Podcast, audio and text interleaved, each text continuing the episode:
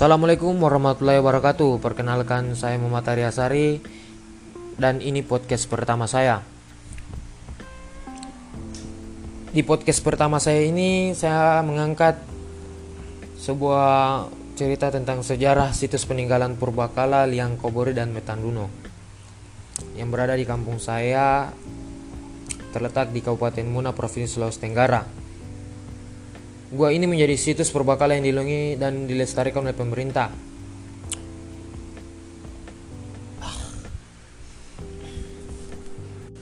Assalamualaikum warahmatullahi wabarakatuh.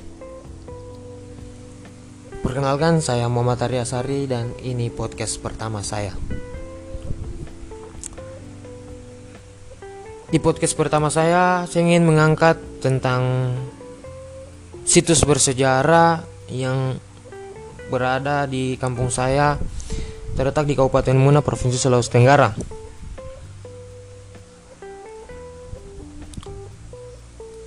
Merupakan Gua Liang Kobori dan Metanduno yang lebih rincinya berada di desa Mabolu terletak di perbatasan antara desa Bolo dan desa Masalili kecamatan Lohia. Untuk mencapai kita dapat menggunakan kendaraan umum ataupun kendaraan pribadi kurang lebih satu jam perjalanan. Liang Koburi dan Metanduno salah satu gua alam yang berada di Kabupaten Muna, Sulawesi Tenggara. Gua ini menjadi situs purbakala yang dilindungi dan dilestarikan oleh pemerintah. Selain itu, gua ini pun menjadi tempat pariwisata dan penelitian kepurbakalaan. Gua ini terkenal karena adanya ornamen-ornamen yang berupa lukisan yang terdapat pada dinding gua. Lukisan-lukisan ini merupakan salah satu lukisan yang dibuat oleh para manusia purba. Gua ini merupakan salah satu gua alam yang memiliki ornamen di dalamnya yang berupa lukisan hasil karya manusia purba. Selain gua serupa yang terdapat di daerah lainnya di Indonesia atau gua serupa yang berada di mancanegara seperti di Prancis dan di Spanyol. Gua ini pertama diteliti oleh seorang sejarawan bernama Kosasi SA pada tahun 1977. Untuk mencapai gua tersebut kita dapat menggunakan kendaraan Assalamualaikum warahmatullahi wabarakatuh. Saya Muhammad Aryasari dan ini podcast pertama saya. Di podcast pertama saya ini saya ingin mengangkat tentang situs peninggalan Purbakala Liang, Kobori dan Metanduno di yang terletak di kampung saya Kabupaten Muna Sulawesi Tenggara. Dan lebih rincinya berada di desa Mabolu, Kecamatan Lohia. Untuk mencapainya kita dapat menggunakan kendaraan umum ataupun kendaraan pribadi. Selama lebih dari kurang satu jam perjalanan. Gua Liang Kobor dan Metanduno merupakan salah satu gua alam yang berada di kampung saya. Gua ini menjadi situs purbakala yang dilindungi dan dilestarikan oleh pemerintah di kabupaten saya. Selain itu, gua ini pun menjadi tempat pariwisata dan penelitian purbakala. Gua ini terletak terkenal karena adanya ornamen-ornamen yang berupa lukisan yang terdapat pada dinding gua. Lukisan-lukisan ini merupakan salah satu lukisan peninggalan oleh para manusia purba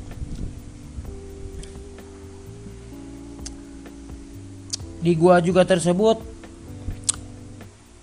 orang yang pertama meneliti adalah seorang sejarawan yang bernama Kosa CSA pada tahun 1977. Untuk mencapai bibir gua tidak semudah yang dikira. Kita perlu memasuki lorong kecil dan sempit sejauh 2 3 km dengan akses jalan yang kurang memadai. Tetapi kita akan tetap terpukau dengan keindahan alam di sekitar saat kita mulai masuk ke dalam gua tersebut. Ketika memasuki areal situs peninggalan Liang Kabur dan Metanduno, gua pertama yang kita temui adalah gua Metanduno. Gua Metanduno adalah merupakan gua alam yang kita jumpai terlebih dahulu sebelum gua Liang Kobori. Pada gua ini kita dapat melihat berbagai hasil peninggalan manusia prasejarah, misalnya saja lukisan-lukisan hewan pada dinding gua serta asap yang menurut pemandu kami yaitu Lawade Samada merupakan asap sisa kegiatan masak memasak yang dilakukan oleh manusia prasejarah. Lanjut, menurut pemandu gua ini disebut sebagai gua Metanduno sebab kebanyakan motif yang ditemukan pada gua ini yaitu motif hewan bertanduk dalam bahasa daerah saya itu bahasa Muna, Tandu berarti tanduk. Lukisan-lukisan ini menurut pemandu merupakan lukisan yang dibuat oleh manusia prasejarah dari bahan berupa darah hewan, tanah liat, serta getah kayu yang belum diketahui jenisnya sampai saat ini.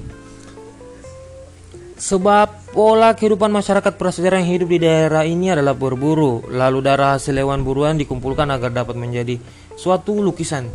Ketika memasuki bibir gua, kita akan melihat suatu gua alam yang membentang tinggi dengan tinggi variasi antara 2 sampai 5 meter dan lebar sekitar 30 meter.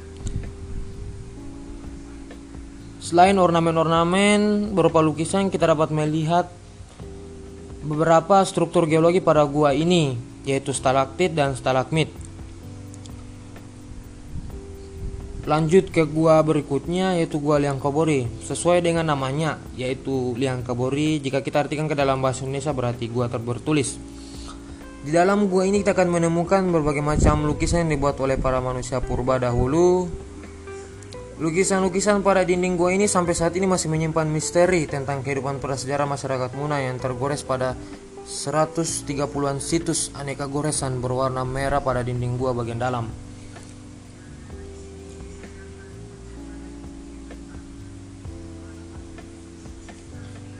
Lanjut Dari berbagai aneka lukisan tersebut tergambar cara hidup masyarakat suku Muna pada masa lalu, mulai dari cara bercocok tanam, berternak, berburu, beradaptasi dengan lingkungan, serta berperang untuk mempertahankan diri dari serangan musuh.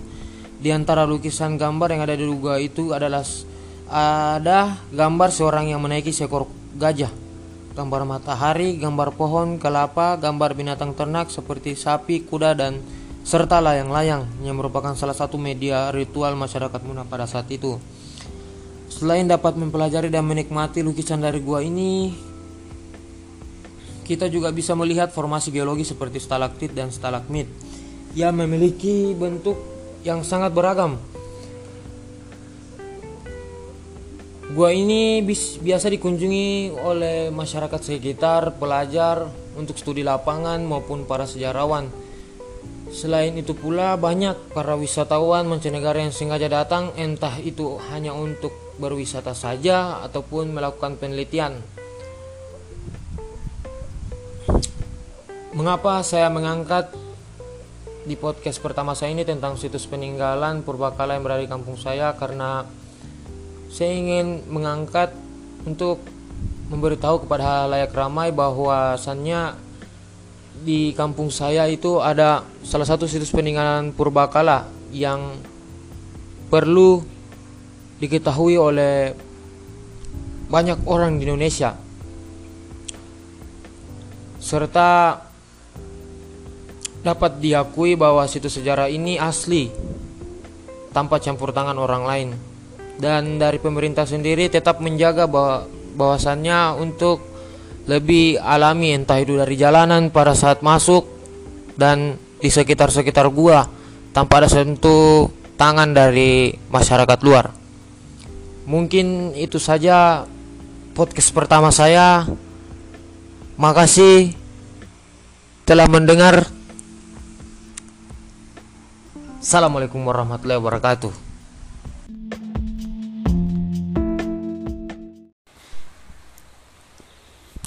Assalamualaikum warahmatullahi wabarakatuh. Kembali lagi dengan saya Muhammad Arya Sari di podcast kedua saya. Di podcast kedua saya ini saya akan mengangkat yang bersangkutan dengan komunikasi yaitu fungsi komunikasi sosial Sebenarnya apa fungsi komunikasi sosial? Fungsi komunikasi sosial setidaknya mengisyaratkan bahwasannya komunikasi penting untuk membangun konsep diri kita. Aktualisasi diri untuk kelangsungan hidup, untuk memperoleh kebahagiaan, terhindar dari tekanan dan tegangan, antara lain lewat komunikasi yang menghibur dan memupuk hubungan dengan orang lain.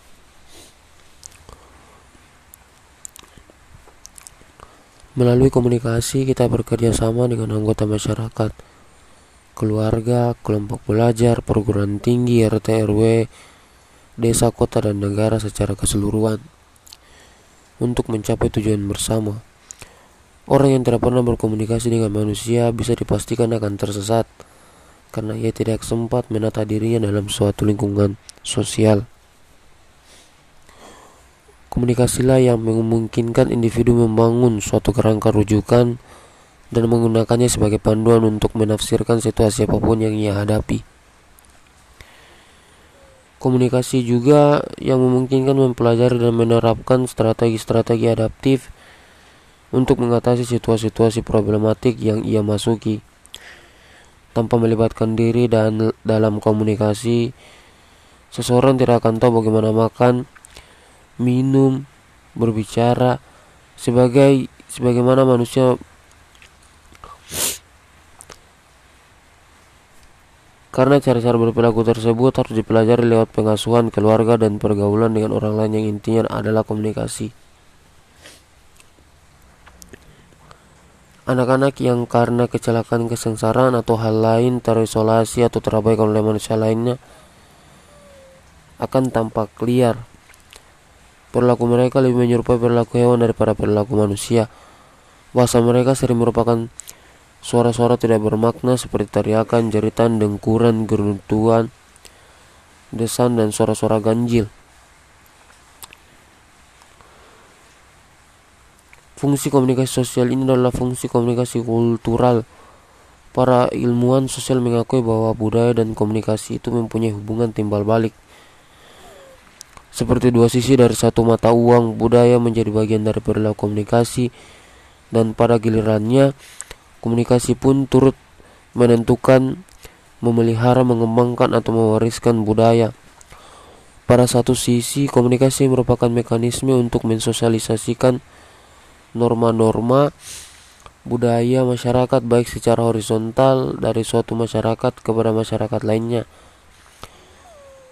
maupun secara vertikal dari suatu generasi kepada generasi berikutnya. Pada sisi lain, budaya menetapkan norma-norma atau komunikasi yang dianggap sesuai untuk suatu kelompok. Misalnya laki-laki tidak gampang menangis, tidak bermain boneka, anak perempuan tidak bermain pistol-pistolan, pedang-pedangan atau mobil-mobilan dan lain sebagainya.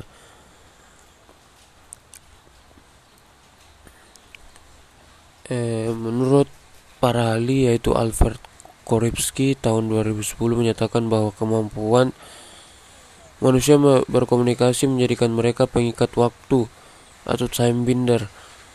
Pengikatan waktu time binding ini merujuk pada kemampuan manusia untuk mewariskan pengetahuan dari generasi ke generasi dan dari budaya ke budaya. Manusia tidak perlu memulai setiap generasi sebagai generasi yang baru mereka mampu mengambil pengetahuan masa lalu, mengujinya berdasarkan fakta-fakta mutakhir, dan meramalkan masa depan. Menurut korupsi juga, pengikatan waktu ini jelas merupakan karakteristik yang membedakan manusia dengan bentuk lain kehidupan. Dengan mampu tersebut, manusia mampu mengendalikan dan mengubah lingkungan mereka. Kita dapat memperkirakan nilai-nilai dianut oleh orang-orang berdasarkan kelompok yang mereka masuki bila seseorang lama belajar di pesantren. Kita dapat memperkirakan sikap dan perilakunya, misalnya pengetahuan agama relatif lebih luas, penampilannya lebih sederhana dan lebih rajin beribadah daripada rata-rata muslim lainnya. Kita pun dapat memperkirakan meskipun perkiraan kita tidak selalu benar. Sifat dan tindakan politikus, pengusaha, ilmuwan, pramuka, pemusik, preman, homoseksual dan lain sebagainya. Sebagian kesulitan komunikasi berasal dari fakta bahwa kelompok-kelompok budaya atau subkultur subkultur dalam suatu kebudayaan mempunyai perangkat norma berlainan misalnya terdapat perbedaan dalam norma-norma komunikasi antara kaum militer dengan kaum sipil kaum mabangan dengan kaum santri kaum konservatif dengan kaum radikal penduduk kota dengan penduduk desa. Oleh karena itu, komunikasi yang sama mungkin dipersepsi secara berbeda oleh kelompok-kelompok berbeda kultur atau subkultur. Kesalahpahaman hampir tidak dapat dihindari, akan tetapi ini tidak dapat berarti bahwa berbeda itu buruk. Kematangan dalam budaya ditandai dengan toleransi, atas perbedaan. Mengutuk orang lain karena mereka berbeda adalah tanda kebebalan dan kecongkala. Mungkin itu sedikit penjelasan dari fungsi komunikasi sosial di podcast saya ini. Terima kasih sudah mendengarkan. Assalamualaikum warahmatullahi wabarakatuh.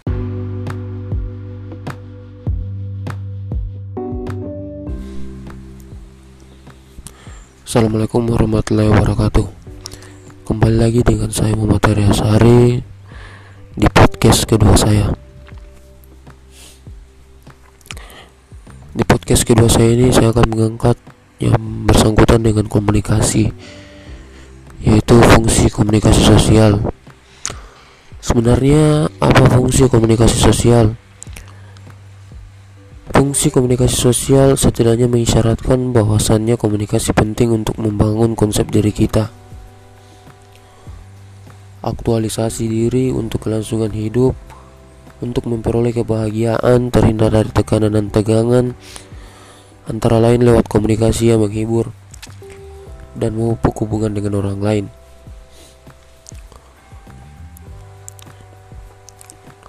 Melalui komunikasi, kita bekerja sama dengan anggota masyarakat, keluarga, kelompok belajar, perguruan tinggi, RT RW, desa, kota, dan negara secara keseluruhan untuk mencapai tujuan bersama. Orang yang tidak pernah berkomunikasi dengan manusia bisa dipastikan akan tersesat karena ia tidak sempat menata dirinya dalam suatu lingkungan sosial. Komunikasilah yang memungkinkan individu membangun suatu kerangka rujukan dan menggunakannya sebagai panduan untuk menafsirkan situasi apa pun yang ia hadapi. Komunikasi juga yang memungkinkan mempelajari dan menerapkan strategi-strategi adaptif untuk mengatasi situasi-situasi problematik yang ia masuki. Tanpa melibatkan diri dan dalam komunikasi, seseorang tidak akan tahu bagaimana makan, minum, berbicara sebagai sebagaimana manusia karena cara-cara berperilaku tersebut harus dipelajari lewat pengasuhan keluarga dan pergaulan dengan orang lain yang intinya adalah komunikasi. Anak-anak yang karena kecelakaan kesengsaraan atau hal lain terisolasi atau terabaikan oleh manusia lainnya akan tampak liar Perilaku mereka lebih menyerupai perilaku hewan daripada perilaku manusia. Bahasa mereka sering merupakan suara-suara tidak bermakna seperti teriakan, jeritan, dengkuran, geruntuan, desan, dan suara-suara ganjil. Fungsi komunikasi sosial ini adalah fungsi komunikasi kultural. Para ilmuwan sosial mengakui bahwa budaya dan komunikasi itu mempunyai hubungan timbal balik. Seperti dua sisi dari satu mata uang, budaya menjadi bagian dari perilaku komunikasi dan pada gilirannya komunikasi pun turut menentukan, memelihara, mengembangkan atau mewariskan budaya. Pada satu sisi, komunikasi merupakan mekanisme untuk mensosialisasikan norma-norma budaya masyarakat baik secara horizontal dari suatu masyarakat kepada masyarakat lainnya maupun secara vertikal dari suatu generasi kepada generasi berikutnya. Pada sisi lain, budaya menetapkan norma-norma atau komunikasi yang dianggap sesuai untuk suatu kelompok. Misalnya laki-laki tidak gampang menangis, tidak bermain boneka, anak perempuan tidak bermain pistol-pistolan, pedang-pedangan atau mobil-mobilan dan lain sebagainya.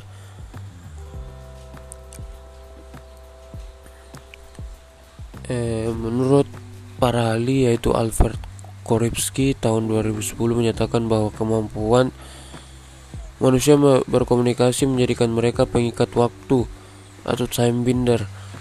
Pengikatan waktu time binding ini merujuk pada kemampuan manusia untuk mewariskan pengetahuan dari generasi ke generasi dan dari budaya ke budaya. Manusia tidak perlu memulai setiap generasi sebagai generasi yang baru. Mereka mampu mengambil pengetahuan masa lalu, mengujinya berdasarkan fakta-fakta mutakhir, dan meramalkan masa depan. Menurut korupsi juga pengikatan waktu ini jelas merupakan karakteristik yang membedakan manusia dengan bentuk lain kehidupan. Dengan mampu tersebut, manusia mampu mengendalikan dan mengubah lingkungan mereka. Kita dapat memperkirakan nilai-nilai yang dianut oleh orang-orang berdasarkan kelompok yang mereka masuki bila seseorang lama belajar di pesantren. Kita dapat memperkirakan sikap dan perilakunya, misalnya pengetahuan agama relatif lebih luas, Penampilannya lebih sederhana dan lebih rajin beribadah daripada rata-rata muslim lainnya. Kita pun dapat memperkirakan meskipun perkiraan kita tidak selalu benar. Sifat dan tindakan politikus, pengusaha, ilmuwan, pramuka, pemusik, preman, homoseksual, dan lain sebagainya. Sebagian kesulitan komunikasi berasal dari fakta bahwa kelompok-kelompok budaya atau subkultur-subkultur dalam Suatu kebudayaan mempunyai perangkat norma berlainan, misalnya terdapat perbedaan dalam norma-norma komunikasi antara kaum militer dengan kaum sipil, kaum mabangan dengan kaum santri, kaum konservatif dengan kaum radikal, penduduk kota dengan penduduk desa. Oleh karena itu, komunikasi yang sama mungkin dipersepsi secara berbeda oleh kelompok-kelompok berbeda kultur atau subkultur. Kesalahpahaman hampir tidak dapat dihindari akan tetapi ini tidak dapat berarti bahwa berbeda itu buruk. Kematangan dalam budaya ditandai dengan toleransi atas perbedaan. Mengutuk orang lain karena mereka berbeda adalah tanda kebebalan dan kecongkalan. Mungkin itu sedikit penjelasan dari fungsi komunikasi sosial di podcast saya ini. Terima kasih sudah mendengarkan. Assalamualaikum warahmatullahi wabarakatuh.